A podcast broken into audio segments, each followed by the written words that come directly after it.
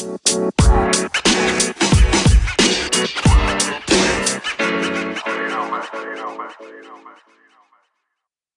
Planı Podcast'inin solo bölümüne hoş geldiniz. Bugün tek başımayım.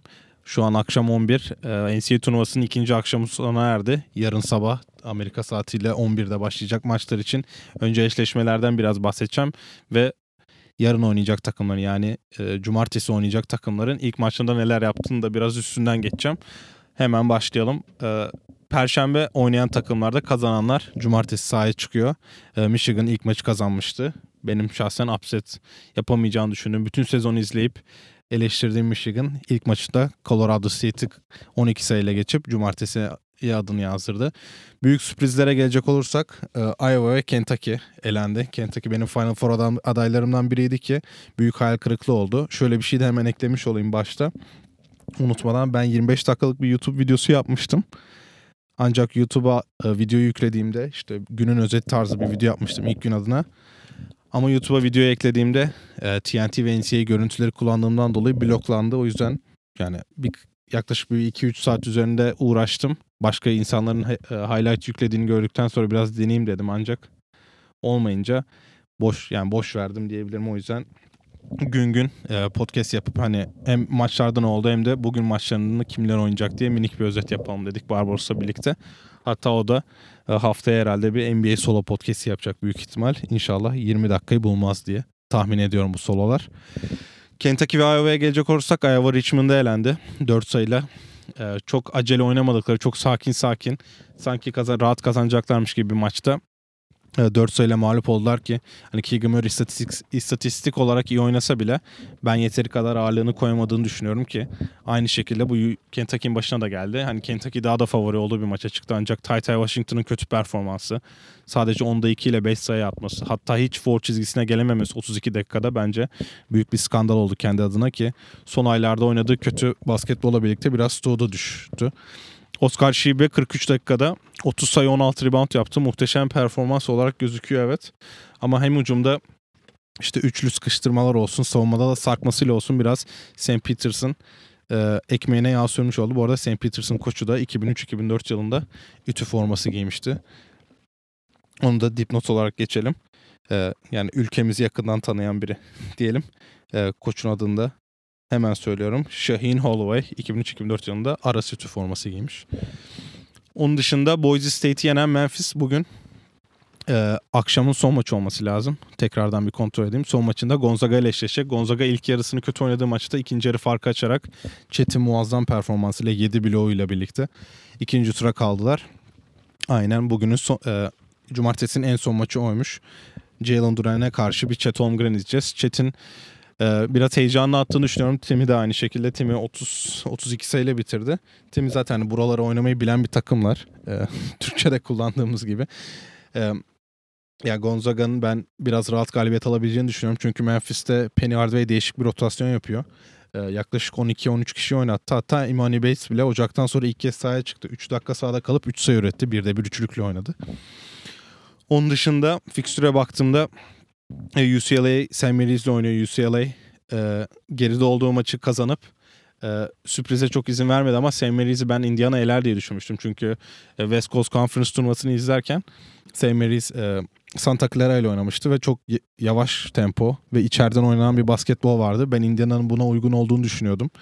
Ta ki St. Mary's fark atana kadar çok rahat bir galibiyet aldılar orada. Ters geldiler Indiana. Indiana bir de e, First Four maçında oynadığı için çarşamba akşamı pardon salı akşamı perşembe uçamamışlar bir gün geç gelmişler bir orada bir uçuşta sıkıntı olduğu için çok yorgun çıktıklarını belli etmişler maça ama tabi St. acımadan geçti diyebiliriz.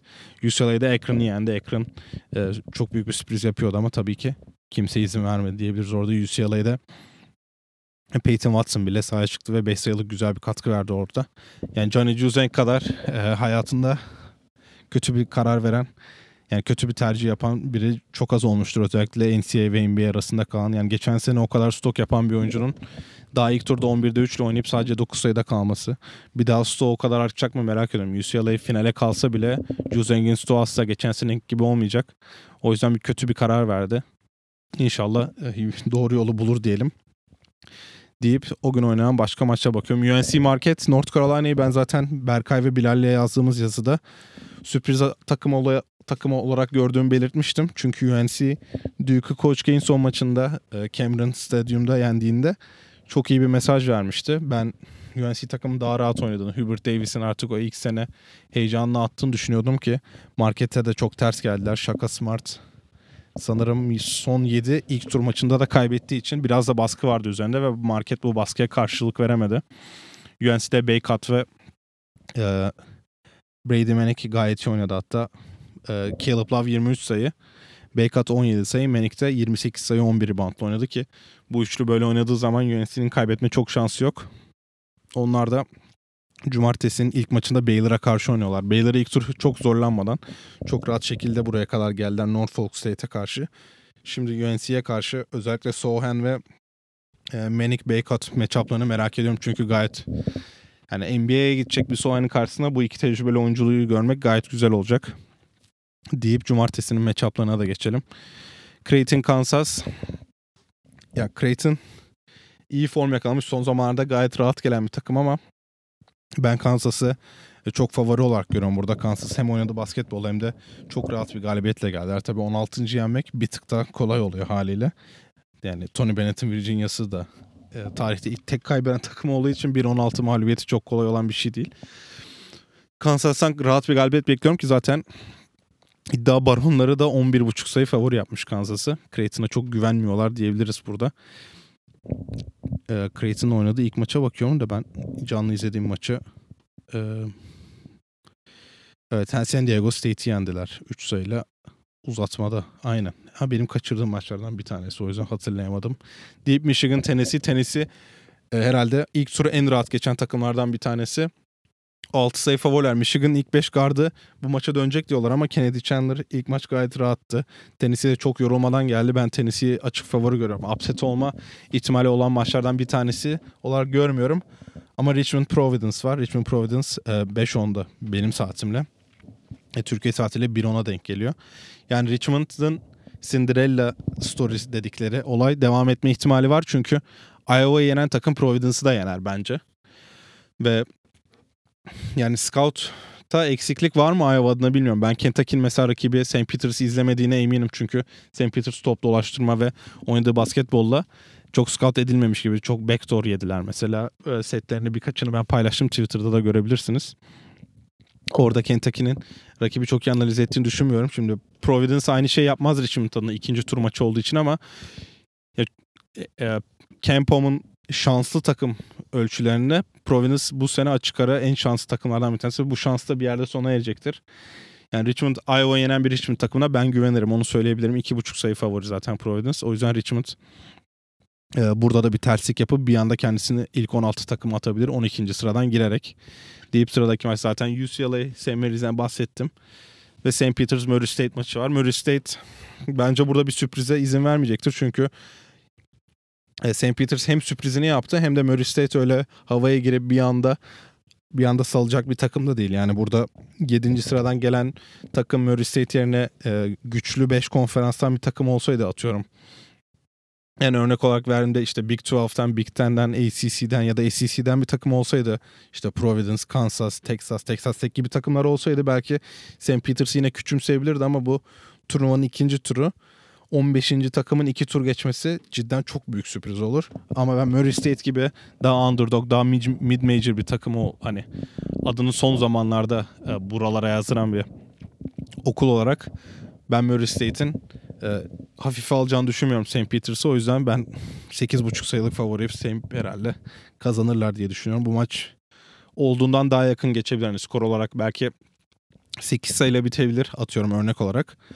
Ama hani Murray State işte 14'lerde 16'larda götürdüğü bir maç olabilir deyip sıradaki maçlara geçiyorum. New Mexico State, Arkansas. Yani Kalipari ve Fran McCaffrey elendi. Biz de artık e, Masbas yani Erik Masım'ın otobüsüne girdik ve o, o otobüste işte inşallah Final Four'a kadar devam edeceğiz diyorum. E, New Mexico State Yukan'a upset yaptı. Bütün maç önde oldukları maçta sonunda comeback verdiler ama yani şimdi tekrar bakıyorum da Teddy Allen'ın 37 sayısı. takımı tamamen sırtladı. 24'te 10 saha içi isabeti. 13 kere foul çizgisine gelmesi ve hiç kaçırmaması ve takımda kimse başka foul atmamış. Bu da inanılmaz. Bir kişi foul atmış. O da 13'te 13. Yukan biraz e, küçümsedi demeyeceğim. E, Yukan hani geçmişte daha başarılı olan bir takım. Dan Hurley ile birlikte bir kimlik oturmaya başladılar ama biraz uyanmaları bir süre aldı. Uyanmaları süre aldığında New Mexico State tamamen kendi kontrolüne almıştı maçı. Ve yani bu bütün sene boyunca 6 maç kaybetmiş bir takımın 27 maç kazanmış bir takımın özellikle New Mexico State gibi bir kazanma alışkanlığı var. Bu alışkanlık da oturduktan sonra önde oynamayı bilen takımların performansı turnuvada çok öne çıkıyor. Mesela bu Richmond'a karşı da oldu. Richmond'un Iowa karşısında da oldu. Şimdi tekrardan bakıyorum. Ee, Richmond'un tam galibiyet sayısına da 24 maç kazanmış Richmond. 12 mağlubiyet olmasına rağmen 24 galibiyet gayet iyi bir rakam. Bu da önde olduğu maçı koparma ve kazanma anlamında tecrübeli bir takım anlamına geliyor. New Mexico State ilk maçta bunu yaptı. İkinci maçta Arkansas'a karşı bunu yapabilirler mi merak ediyorum. Arkansas ilk maçı zar zor kazandı. Belki burada vidaları biraz daha gevşemiş, daha rahat oynayabilen bir takım olarak burada fark yaratabilirler. Ve günün son maçına da gelelim. Gonzaga Memphis'ten bahsettim. Chet ve Jalen Duren'den beklentim ortada. Chet'in domine edeceği bir maç değil ama ben Drew Timmy'nin domine edeceği bir maç bekliyorum. Gonzaga geçen sene finalde kaybetmesiyle işte herkes yani pick and roll savunmalarının eksik olduğunu biliyor ve Drew Timmy pick and roll'e sokuyor. Aynı şekilde Georgia State de bunu yaptı ilk maçta. Ama yetenek kalibresi çok farklı olduğu için, yetenek seviyesi çok farklı olduğu için iki takım arasında çok bir çözüm bulunamadı. Benim beklentim e, yakın bir maç olabilir başta. Ama Gonzaga'nın yine ikinci devre biraz vites sıkıp tamamen domine etmesini bekliyorum. E, Jalen Duren'in sahada kalmasını bekliyorum. Ama şöyle bir durum var işte demin de bahsettim. Hani Penny çok farklı bir rotasyon oynatıyor. Jalen Duren 10 sayı 11 rebound yapsa bile 30 dakikada sağ, 30 dakika sahada kaldı 3 faulle. Şimdi Drew Timmy ve Chet Holmgren gibi oyuncular çok rahat foul aldırabilen bir oyuncular ve Jalen Duren fiziğiyle domine etmek isterken bir anda sıkıntıya girebilir. Durensiz bir Memphis potu altını nasıl savunacak onu da merak ediyorum. Ee, burada tecrübeyle ben Gonzaga'nın kazanacağını düşünüyorum. Onlar da kaç sayı favoriymiş hemen ona da bakayım. Sonra da kapatalım. 10 sayı favorilermiş. Yani cumartesi günü favorilerin kazanacağı bir tur olabilir. Ee, UNC Baylor'ı kişisel olarak ben North Carolina'nın kazanmasını tercih ederim onu söyleyeyim. Ee, Michigan'a hiç güvenmiyordum onu tekrardan belirtmiş olayım. Tennessee de çok rahat oynuyor. Yani çok sürpriz olmayabilir ama bugün güzel maçlar olacaktır herkese. İyi seyirler dileyim. Tekrardan hatırlatayım. Türkiye saatiyle akşam 7-10 geçe North Carolina Baylor maçıyla başlıyor. Sonra metrobüs gibi arka arkaya maçlar geliyor. 8 tane maç var. Pazar gün bülteninde yarın sizlerle birlikte olacak. Dinlediğiniz için teşekkürler. Yarın görüşürüz.